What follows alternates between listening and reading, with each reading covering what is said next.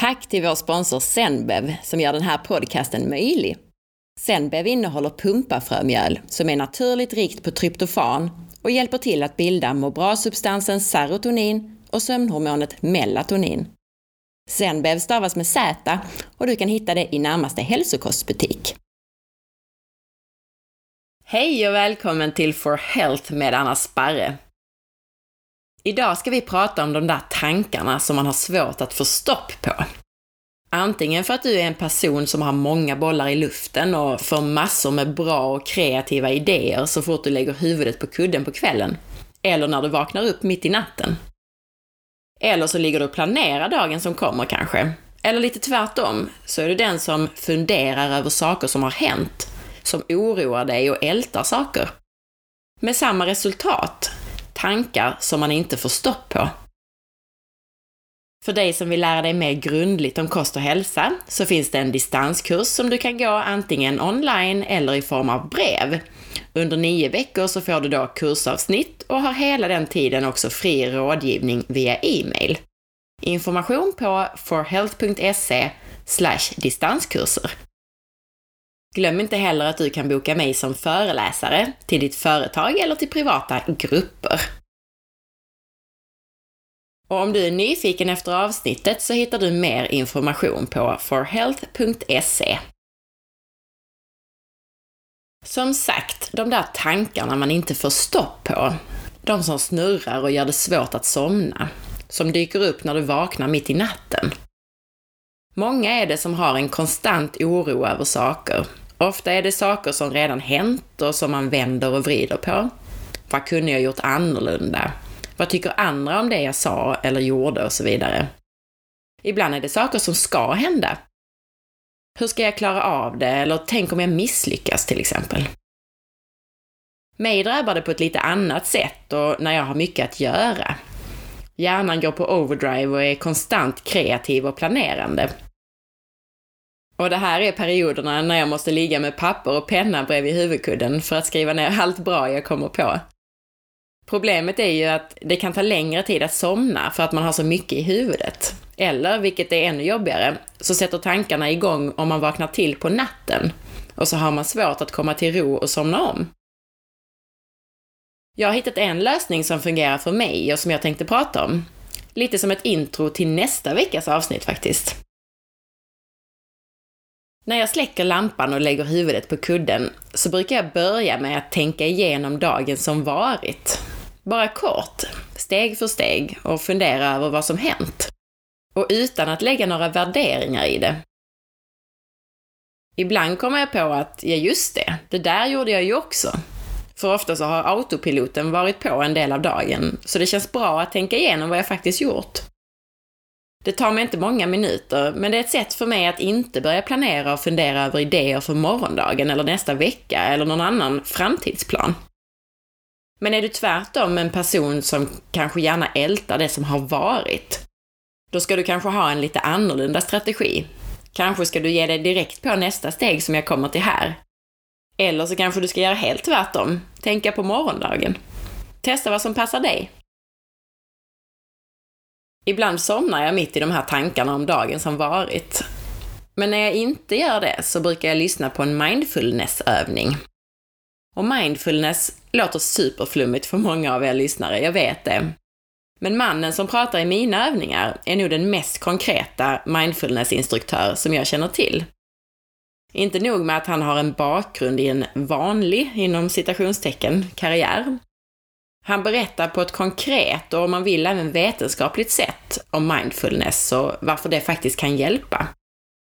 Dessutom så jämför han med hur det har fungerat för honom och vilka nybörjarbesvär han själv hade när han började öva mindfulness. Hur som helst så kommer han att vara med i nästa podcastavsnitt som ni bara måste lyssna på. Det är så intressant och bra. Men tillbaka till min egen lilla rutin. Jag brukar som sagt lyssna på en mindfulnessövning på kvällen för att komma bort från snurrande tankar, vara i nuet och på så sätt så somnar jag som en stock inom ett par minuter efter att jag har stängt av ljudet i öronen. Och i övningarna så handlar det mycket om att fokusera på nuet och olika känslor i kroppen. tyngden av kroppen, känslan i olika kroppsdelar eller andningen till exempel. Och ju mer man gör de här övningarna, desto mer hjälper de. För precis som med allt annat så är det lite av en övningssak. Jag tycker att de här mindfulnessövningarna har hjälpt mig från första stund, alltså från första gången jag började. Men i början så är det lätt att man istället för att bara känna in kroppen försöker andas på något visst sätt som man tror är rätt till exempel. Ju mer man övar mindfulness, desto mer lär man sig att bara vara. Och desto mer avslappnat blir detta att bara vara och desto bättre blir andningen och så vidare automatiskt. När jag gör övningarna nu så känns det ofta lika gött i kroppen som när man har fått massage. Nice, eller hur? Och mycket billigare dessutom. Jag vet att mindfulness egentligen handlar om medveten närvaro och avslappnad vakenhet. Men för mig är det det perfekta sömnpillret. De flesta rekommenderar ju att man gör det på dagen, sittande till exempel. Men för mig, vars intention är att sova bättre, så är det här helt perfekt. Och som instruktören i lurarna säger, antingen så somnar du, eller så gör du övningar som bevisligen, enligt forskning, stärker dig och ger enorma hälsofördelar som mindre stress, mindre depression, bättre minne och så vidare. Allmänna sömnhygientips, såsom att släcka ner på kvällen och inte ha taklampor tända på kvällen, att inte utsätta sig för blått ljus från TV, dator, mobil och så vidare, det har jag pratat om i tidigare avsnitt. Jag har gjort flera avsnitt på temat sömn, så det är bara att söka. Eller bläddra bland podcastavsnitten. Men en princip som jag själv måste vara särskilt noga med är att inte ha någon skärmtid på kvällen. Minst en timme innan jag går och lägger mig och helst mer så är det ingen TV, ingen dator, ingen mobiltelefon, ingen iPad och så vidare. Trots att jag på alla mina devices har installerat det här programmet som heter F-Lux, som är ett gratis program som tar bort det blåa ljuset, så är det så himla stimulerande med tv-tittande, dator och så vidare, att det ändå påverkar sömnen. Men det här betyder också att jag inte heller har mindfulnessövningarna i mina telefonlurar, utan på en gammal mp3-spelare. Det är den första sortens iPod Nano som jag använder, en sån utan skärm. Så ett tips är att leta fram något utan skärm eller en massa ljus om du vill testa det här. Om man trots att man lyssnar på en mindfulnessövning känner att man inte får stopp på tankarna, så ska man låta bli att försöka stoppa dem. Låt dem komma. Det är ju helt omöjligt att aktivt försöka sluta tänka på någonting. Ett bra exempel är om jag säger “Tänk inte på en blå elefant”. Hur många av er tänkte just på en blå elefant precis nu? Eller hur? Men instruktören i mina övningar, som vi ska få lyssna på i nästa avsnitt, han säger någonting som funkar. Nämligen att istället för att mota bort tankarna, så låt tankarna vara där. Låt dem tänka sig själva medan du fokuserar på andningen eller känslan i kroppen. Och just det där med att låta dem tänka sig själva och att vända sin uppmärksamhet mot någonting annat, det är extremt effektivt. Hur som helst så hoppas jag att mina tips hjälper någon.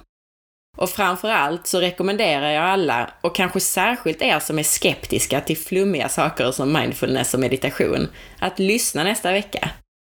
Dels får ni konkret fakta om mindfulness baserat på forskning. Och dels så får vi en sann historia om vägen mot en lysande karriär som höll på att sluta med en krasch in i väggen. Dessutom så kommer vi att lägga upp en mindfulnessövning som ett eget avsnitt som ni både kan testa och om ni gillar den så kan ni gå tillbaka och använda den om och om igen och känna på alla de här hälsofördelarna med att öva mindfulness. Så det här var allt för idag faktiskt. Det blir ett kortare avsnitt idag och se det som en liten introduktion till nästa vecka och glöm för all del inte att lyssna då. Tack så mycket för att du lyssnade idag i alla fall.